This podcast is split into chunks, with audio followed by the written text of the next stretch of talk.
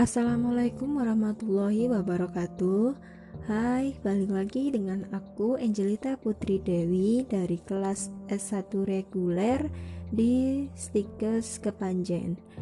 Kali ini kita akan tetap bahas tentang materi um, perkuliahan keperawatan berbasis masyarakat yaitu dengan materi keenam kita pada pertemuan ketujuh yang akan dilaksanakan pada tanggal 8 April 2020 yaitu tentang tahapan implementasi keperawatan komunitas kemudian standar operasional prosedur tindakan keperawatan komunitas serta mengatur masyarakat agar dapat bekerja sama dengan perawat saat pelaksanaan tindakan keperawatan. Oke, kali ini langsung saja kita yang pertama akan membahas tentang tahapan implementasi keperawatan komunitas. Di sini dijelaskan bahwa um, bahwa implementasi merupakan langkah yang dilakukan setelah perencanaan komunitas yang tertuang dalam Planning of Action atau POA dan sering kali perencanaan yang sudah disusun dengan baik tidak diikuti dengan waktu yang cukup untuk merencanakan implementasi. Implementasi keperawatan dilakukan untuk masalah kesehatan komunitas menggunakan strategi proses kelompok, kemudian pendidikan kesehatan, kemitraan dan pemberdayaan masyarakat. Kemudian ada pun fungsi dari implementasi keperawatan yaitu untuk meningkatkan, memelihara dan juga memulihkan kesehatan, mencegah penyakit dan memfasilitasi rehabilitas. Kemudian selama implementasi ini perawat mengkaji kembali klien memodifikasi rencana asuhan dan menuliskan kembali hasil yang diharapkan sesuai dengan kebutuhan. Di dalam tahapan implementasi keperawatan komunitas ada beberapa tahap yaitu yang pertama adalah fase prainteraksi atau tahap persiapan. Di tahap ini, perawat juga mencari info tentang klien. Kemudian nantinya perawat akan merancang strategi untuk pertemuan pertama dengan klien. Tahap ini harus dilakukan oleh seorang perawat untuk memahami dirinya, kemudian mengatasi kecemasannya dan meyakinkan dirinya bahwa dia siap untuk berinteraksi dengan kliennya. Pada Tahap ini, perawat memiliki tugas yaitu yang pertama, mengekspresikan perasaan, harapan, dan kecemasan. Sebelum berinteraksi dengan klien, perawat perlu mengkaji perasaannya sendiri. Perasaan apa yang muncul sehubungan dengan interaksi yang akan dilakukannya. Kemudian yang kedua adalah menganalisis kekuatan dan kelemahan sendiri. Hal ini dilakukan agar perawat mampu mengatasi kelemahannya secara maksimal pada saat berinteraksi dengan klien. Kemudian yang ketiga adalah mengumpulkan data tentang klien. Kegiatan ini juga sangat penting karena mengetahui informasi tentang klien, perawat bisa memahami klien. Paling tidak itu perawat bisa mengetahui identitas klien yang bisa digunakan pada saat memulai interaksi. Itu menurut Suryani tahun 2005. Kemudian yang terakhir adalah merencanakan pertemuan yang pertama dengan klien. Hal yang direncanakan mencakup kapan, di mana, dan strategi apa yang akan dilakukan untuk pertemuan pertama tersebut. Ini juga menurut Suryani tahun 2005. Yang selanjutnya adalah tahap perkenalan yaitu merupakan kegiatan yang dilakukan saat pertama kali bertemu atau kontak dengan klien. Pada saat berkenalan, perawat harus memperkenalkan dirinya terlebih dahulu terlebih dahulu kepada klien. Tujuannya pada tahap ini adalah untuk memvalidasi keakuratan data dan rencana yang telah dibuat dengan keadaan klien saat ini, serta mengevaluasi hasil tindakan yang lalu. Pada tahap ini, perawat juga memiliki beberapa tugas, di antaranya yang pertama adalah membina rasa saling percaya, yaitu untuk mempertahankan atau membina hubungan saling percaya. Perawat harus bersikap terbuka, jujur, ikhlas, serta menerima klien apa adanya. Kemudian juga menepati janji dan menghargai kliennya. Yang selanjutnya adalah merumuskan kontrak merumuskan kontrak dengan klien, yaitu pada saat perumusan kontrak, perawat juga perlu menjelaskan atau mengklarifikasi peran-peran perawat dan klien agar tidak terjadi kesalahpahaman klien terhadap kehadiran perawat. Di samping itu, juga untuk menghindari adanya harapan yang terlalu tinggi dari klien terhadap perawat. Karena kan klien itu biasanya menganggap perawat itu seperti dewa. Jadi seperti seolah-olah mereka itu penolong yang serba bisa atau serba tahu begitu. Kemudian yang selanjutnya adalah menggali pikiran dan perasaan serta mengidentifikasi masalah klien. Pada tahap ini, perawat mendorong klien untuk mengekspresikan perasaannya dengan memberikan pertanyaan terbuka. Diharapkan perawat dapat mendorong klien untuk mengekspresikan pikiran dan perasaannya sehingga nantinya dapat mengidentifikasi masalah klien. Kemudian yang terakhir adalah merumuskan tujuan dengan klien. Di sini perawat perlu merumuskan tujuan interaksi bersama klien karena tanpa keterlibatan klien mengikuti tujuannya akan sulit dicapai. Tujuan ini dirumuskan setelah klien diidentifikasi. Fase yang ketiga adalah fase orientasi. Pada fase ini di, dilaksanakan pada awal setiap pertemuan kedua dan seterusnya. Tujuan pada fase ini adalah untuk memvalidasi keakuratan data, rencana yang telah dibuat dengan keadaan klien saat ini, dan mengevaluasi hasil tindakan yang lalu. Umumnya dikaitkan dengan hal yang telah dilakukan bersama dengan klien. Tahapan yang keempat adalah tahap kerja. Di tahap ini merupakan tahap inti dari keseluruhan proses komunikasi terapeutik. Pada tahap ini, perawat dan klien bekerja sama bekerja bersama-sama untuk mengatasi masalah yang dihadapi oleh klien. Pada tahap Kerja ini dituntut kemampuan perawat dalam mendorong klien mengungkapkan perasaan dan pikirannya. Perawat juga dituntut untuk mempunyai kepekaan dan tingkat analisis yang tinggi terhadap adanya perubahan dalam respon verbal maupun nonverbal klien. Pada tahap ini, perawat perlu melakukan active listening karena tugas perawat pada tahap ini uh, maksudnya pada tahap kerja ini bertujuan untuk menyelesaikan masalah yang dihadapi oleh klien. Melalui active listening ini, perawat membantu klien untuk mendefinisikan masalah yang dihadapinya, bagaimana cara mengatasi masalahnya, dan mengevaluasi cara atau alternatif pemecahan masalah yang telah dipilihnya. Kemudian, perawat juga diharapkan mampu menyimpulkan perencanaan, eh, maksudnya percakapan dengan klien, karena teknik penyimpulan ini merupakan usaha untuk memadukan dan menegakkan hal-hal penting dalam percakapan dan membantu perawat klien memiliki pikiran dan ide yang sama. Tujuan dalam teknik menyimpulkan adalah membantu klien menggali hal-hal dan tema emosional yang penting. Yang kelima adalah tahap terminasi.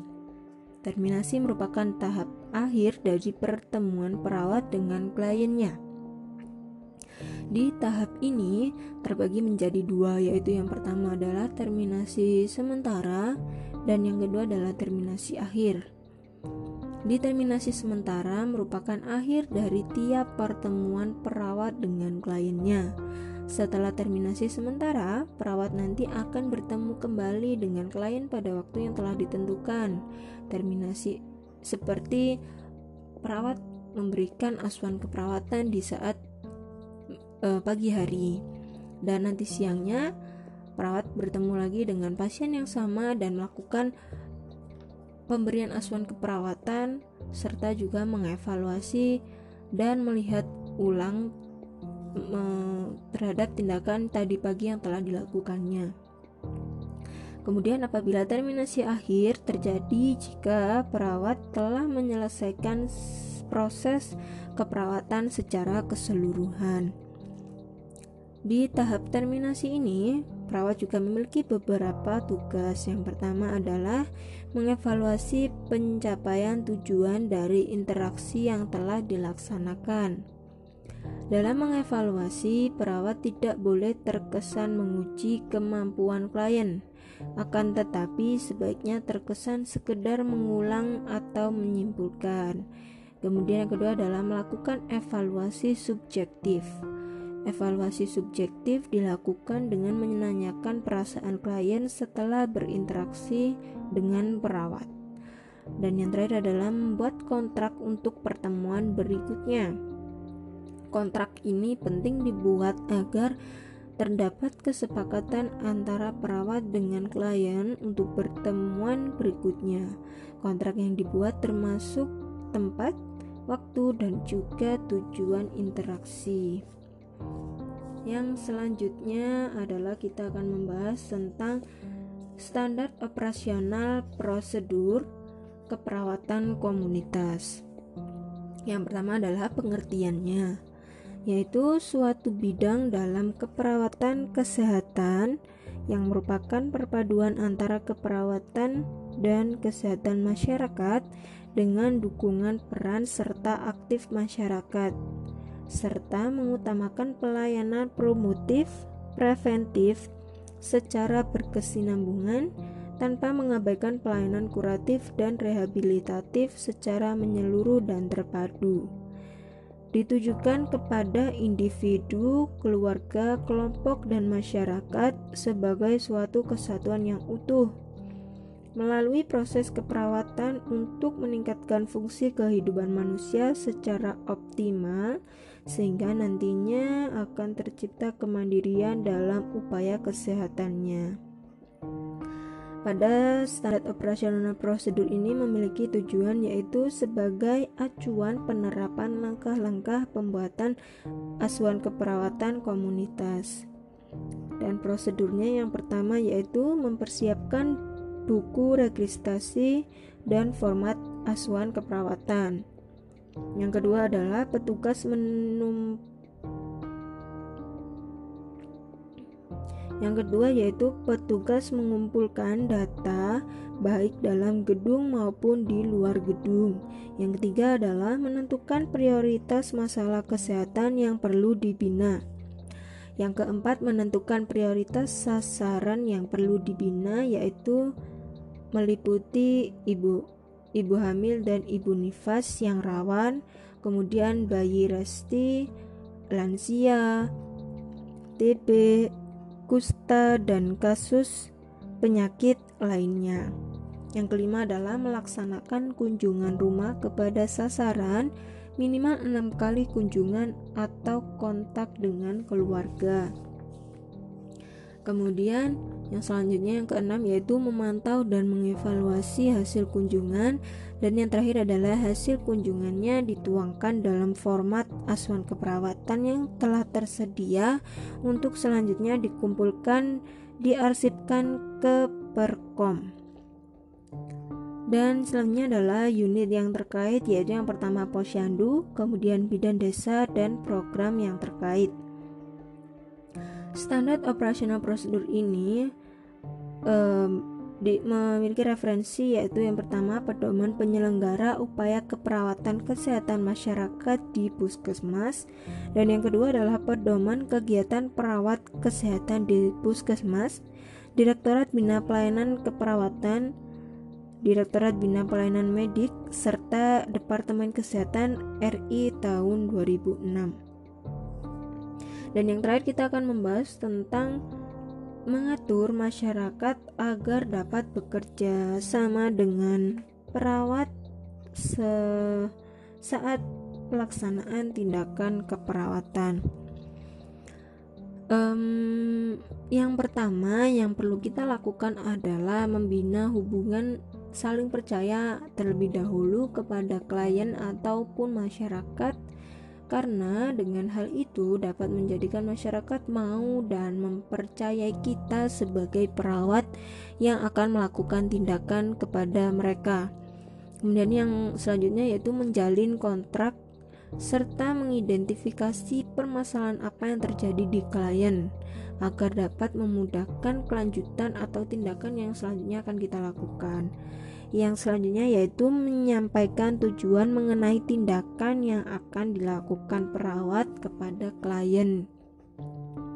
Kemudian yang selanjutnya yaitu melaksanakan tindakan sesuai dengan SOP dan juga mengajak interaksi klien seperti diajak berbicara agar kliennya itu lebih nyaman dan lebih rileks serta lebih dekat dengan kita. Kemudian selanjutnya adalah mengevaluasi tindakan yang telah dilakukan, serta membuat kontrak lagi untuk pertemuan berikutnya, dan juga kita tak lupa memberikan salam kepada klien dan mengucapkan terima kasih karena kerjasamanya. Dan sebagai seorang perawat, kita juga harus memperhatikan komunikasi dengan klien atau masyarakat agar mereka juga bisa lebih nyaman saat uh, kita melakukan tindakan dan serta memberikan pemahaman tentang kesehatan seperti cara pencegahannya, cara pengobatannya, serta lain sebagainya. Baik, um, uh, jadi kesimpulan pada materi kita kali ini yaitu um, di dalam implementasi keperawatan atau pelaksanaan itu perlu dilakukan untuk masalah kesehatan komunitas dan menggunakan sebagai proses uh, uh, sebagai um, implementasi keperawatan itu dilakukan untuk masalah kesehatan komunitas yang menggunakan strategi proses kelompok, pendidikan kesehatan, kemitraan, dan pemberdayaan masyarakat. Serta kita perlu melaksanakan uh, serta fungsi dari implementasi itu untuk meningkatkan dan memelihara, memulihkan kesehatan, kemudian mencegah penyakit dan juga memfasilitasi rehabilitas. Kemudian di implementasi juga kita perlu memperhatikan beberapa tahapan seperti um, tahapan prainteraksi, kemudian perkenalan, orientasi, tahapan kerja sampai nanti di tahapan terminasi. Kemudian di standar operasional prosedur kita harus menggunakan standar operasional prosedur atau SOP keperawatan komunitas karena untuk penerapan langkah-langkah dan pembuatan asuhan keperawatan komunitas karena SOP itu sebagai acuannya. Kemudian saat mengatur masyarakat agar dapat berinteraksi dengan perawat pada saat melaksanakan tindakan keperawatan kita juga perlu memperhatikan beberapa hal dan juga sebagai seorang perawat kita juga harus sabar dalam uh, melakukan suatu tindakan atau berinteraksi dengan klien kita. Dan juga tak lupa kita harus perlu tetap mempertahankan komunikasi terapeutik dengan pasien atau klien ataupun masyarakat agar mereka juga bisa lebih nyaman saat berkomunikasi dengan kita dan saat menyampaikan uh, keluhannya gitu. Jadi kita juga lebih mudah dalam melaksanakan tindakan keperawatan kita. Baik, itu tadi adalah materi kita tentang keperawatan pada tahap implementasi, kemudian SOP tindakan dan mengatur masyarakat agar dapat bekerja sama dengan perawat. Sekiranya sekian, apabila ada penjelasan yang kurang um, bisa dipahami atau bisa diterima. Aku mohon maaf yang sebesar-besarnya. Kita akan bertemu di podcast aku selanjutnya tentang materi keperawatan berbasis masyarakat dan juga teman-teman tetap jaga kesehatan dan daya imun agar bisa terhindar dari penyakit dan juga tetap ikhtiar. Dan jangan lupa berdoa serta jangan ke mana-mana tetap di rumah saja. Kita ikuti aturan pemerintah untuk membantu mereka yang be uh, berjuang di garis depan sana sekiranya dari aku terima kasih. Selalu sehat semuanya selalu semangat semuanya. Jangan lupa jaga kesehatan dan pola makan yang baik. Wassalamualaikum warahmatullahi wabarakatuh. Bye bye